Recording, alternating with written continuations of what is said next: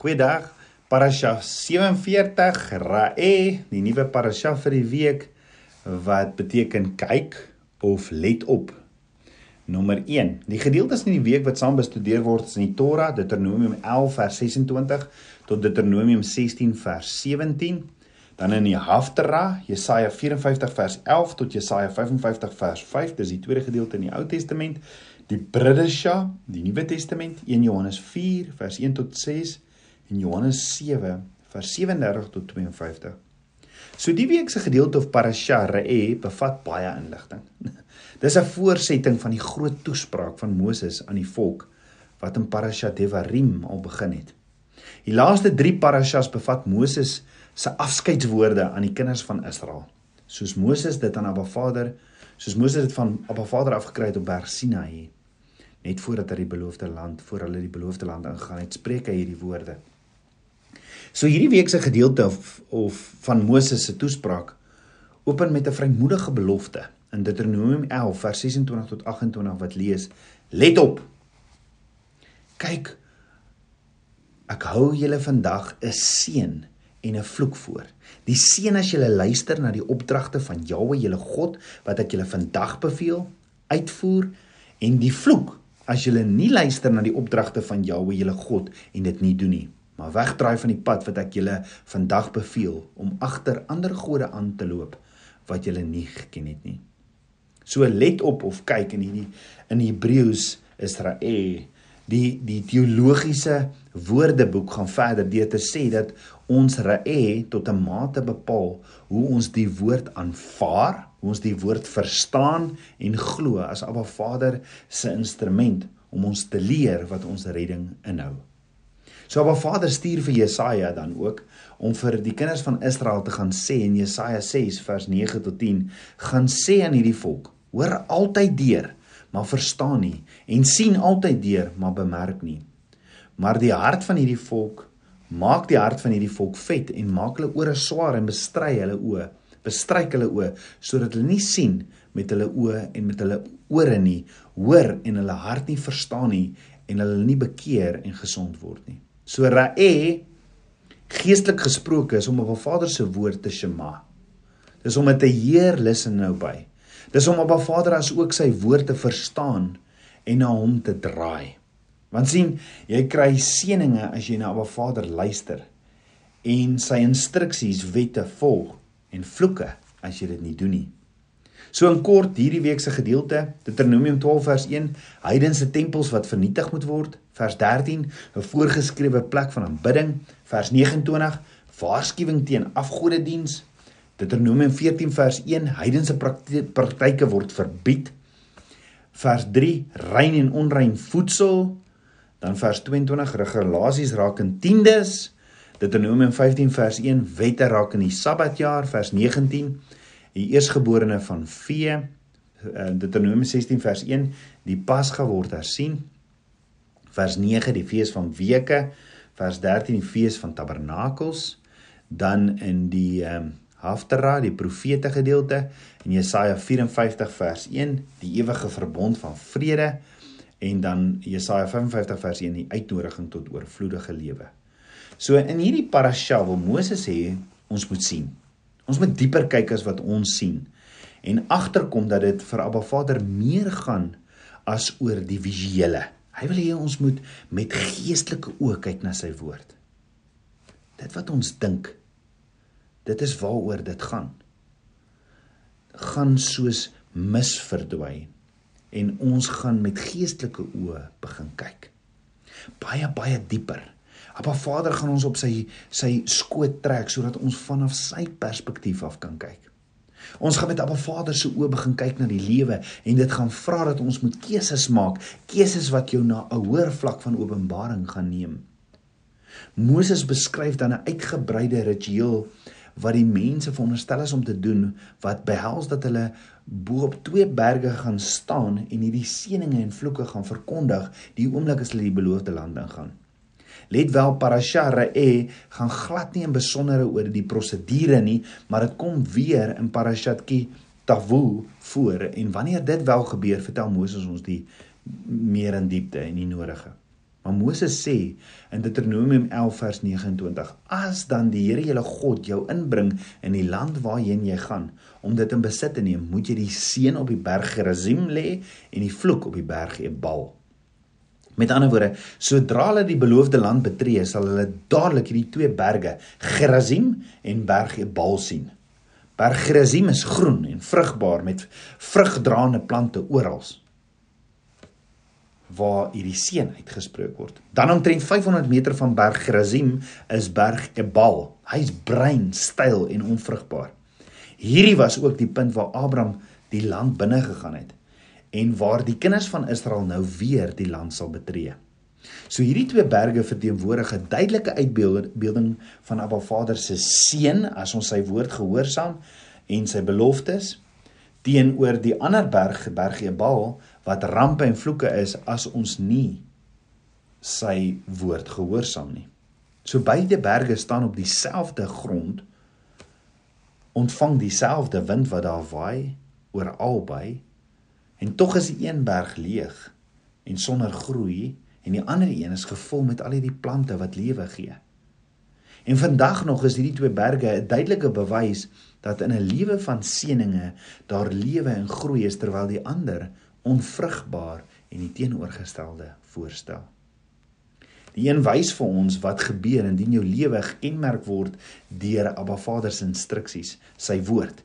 En die ander wys vir ons die dood fisies en geestelik wat intree indien jy nie Abba Vader se woord, sy instruksies Shema en verkeerde keuses maak.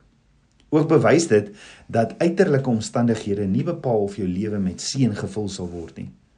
Wat wel waar is, is hoe ons daarop reageer. Die keuse is en bly ons in.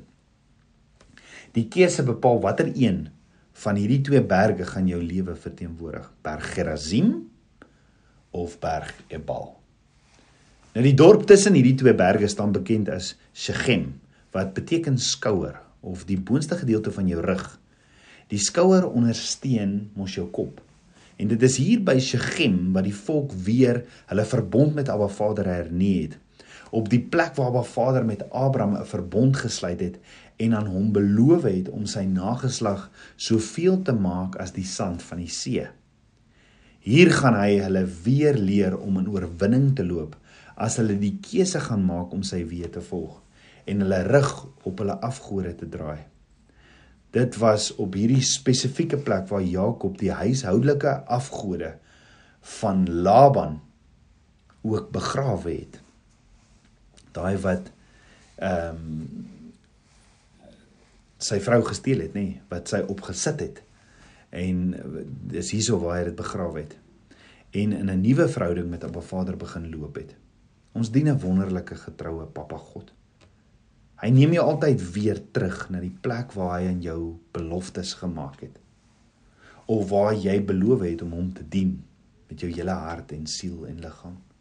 Miskien moet ons dalk teruggaan na daai plekkie toe hierdie week. Vandag roep hy ons weer na hierdie plek waar hy met ons voorvaders gedeel het en vra ons om ons afgode te begrawe en om ons verbond met hom te hernie sodat ons daardie beloofde land kan ingaan, daardie droom wat hy nog altyd vir ons het. En dan gee Moses verder in hierdie week se parasha beskrywing van 'n verskeidenheid wette wat ons moet nakom om seëninge te ontvang en nie vloeke nie. Die eerste stel instruksies het te maak met die afstand van afgoderry. As die kinders van Israel die beloofde land binne gaan en die bewoners en die inwoners uitstuur, is hulle veronderstel om alle oorblyfsels van afgodediens wat hulle agtergelaat het te vernietig. Maar daarbenewens is ons veronderstel om seker te maak dat ons aanbidding anders lyk as wat die heidene hul gode aanbid. Byvoorbeeld, Abba Vader wil nie hê dat ons altare gaan vestig en offers bring net waar ons wil nie. Inteendeel, Moses verduidelik dat Abba Vader een plek is en dat almal hulle offers daarheen moet bring wat ons weet later die tempel word. So dit is iets wat anders is want dit is 'n verandering van wat Abraham, Isak en Jakob ons voorvaders gedoen het. In Genesis staan dat ons voorvaders baie altare vir Abba Vader gebou het en offers oor die hele Israel gebring het. Maar teen die tyd dat die kinders van Israel die land Israel binne gaan, is Abba Vader van voorneme dat sy uitverkore volk dit nie doen nie. En net oral nie. En miskien is dit 'n deel van Abba Vader se groter besorgdheid dat sy nasies hom van die nasies rondom hom moet skei. Offers kan slegs op een gesentraliseerde plek aangebied word. Of dit nie ook 'n prentjie is van die eindtyd nie, verseker. En daarna gaan Moses voort. Hy gaan daarna voort met ander wette wat bedoel is om ons te distansieer van die gebruik van afgode dienaars. Moenie betrokke wees by kinderoffers nie, moenie probeer oortuig ehm um, moenie laat ander probeer jou oortuig om afgode te dien nie. Luister nie na die woorde van 'n profeet wat jou aanmoedig om afgode te dien nie selfs al lyk dit of hy kan bewys dat hy 'n regte profeet is deur wonders. Dan sê hy ook moenie 'n tatoeëring kry nie of jou liggaam andersins verontreinig nie, want dit behoort nie aan jou nie, nê? Op die manier waarop Moses afgode diens beskryf, laat dit klink soos iets wat aanloklik is, iets wat wat wat wat ons 'n sterk neiging tot wil hê. En daarom moet ons al hierdie instruksies van Abba Vader Shema, ons moet dit hier luister nou by om te keer dat ons dit nie doen nie. En dan praat Moses ook van 'n sekere sekere eetbeperkings. En die vraag is: sê Abba Vader enigsins iets oor vleis en melk wat nie mag meng nie? Dat ons nie mag saam eet nie? En daarna gaan ons dieper kyk. En dan praat Moses ook oor valse profete. Die eerste struikelblok en keuse wat in Deuteronomium 13 vers 1 1 tot 5 genoem word is die keuse en die onderskeiding tussen 'n valse profeet en 'n ware profeet van Abba Vader. Valse profete mislei mense weg van Abba Vader se onderrig en instruksies, sy Torah, en om dus 'n ander god as Abba Vader te dien. Jy sien wanneer 'n valse profeet se bediening met tekens en wonders gepaard gaan, is die misleiding soveel groter, want mense is geneig om dit as bevestiging van die waarheid te beskou. En daarom gee Moses opdrag om die valse profeet dood te maak. Ja, die valse profeet moet dood.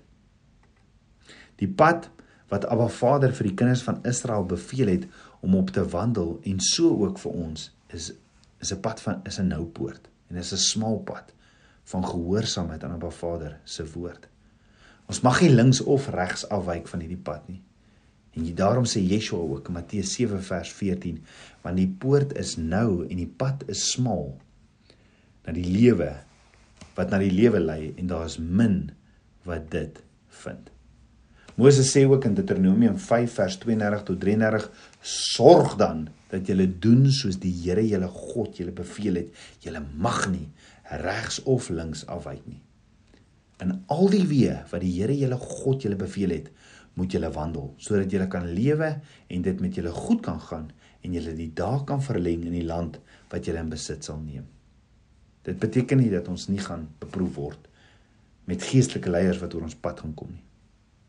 Gaan ons Abba Vader se maatstaf van 'n herder, naamlik liefde vir Abba Vader wat deur Torah gehoorsaamheid bevestig word, gebruik in ons besluit om ander om onder geestelike leiers se gesag te staan? Kardinale is van kardinale belang. Want sien 'n geestelike leier wat verkondig dat die Torah opgehef is, is 'n valsleraar. En Yeshua sou 'n vals profeet en 'n vals goeie herder gewees. Hy sou nie 'n hy sou nie 'n goeie herder gewees het indien hy iets anders sou verkondig het as wat Moses verkondig het nie.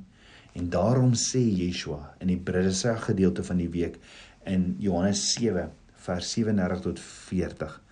As iemand dors het, laat hom na my toe kom en drink. Hy wat in my glo, soos die skrif sê, strome van lewende water sal uit sy binneste vloei. En dit het hy gesê van die Gees wat wat hy sou ontvang wat in hom glo.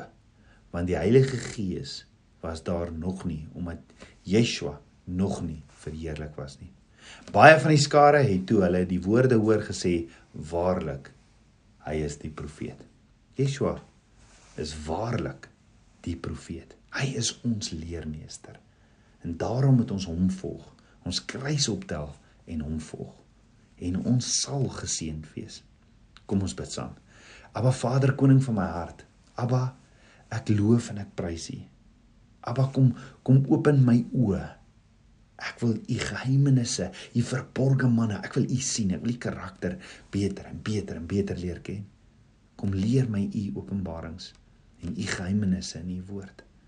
Vader, u sê in Psalm 32 vers 8, u sal my leer aangaan in die weg wat ek moet gaan en u oë is op my.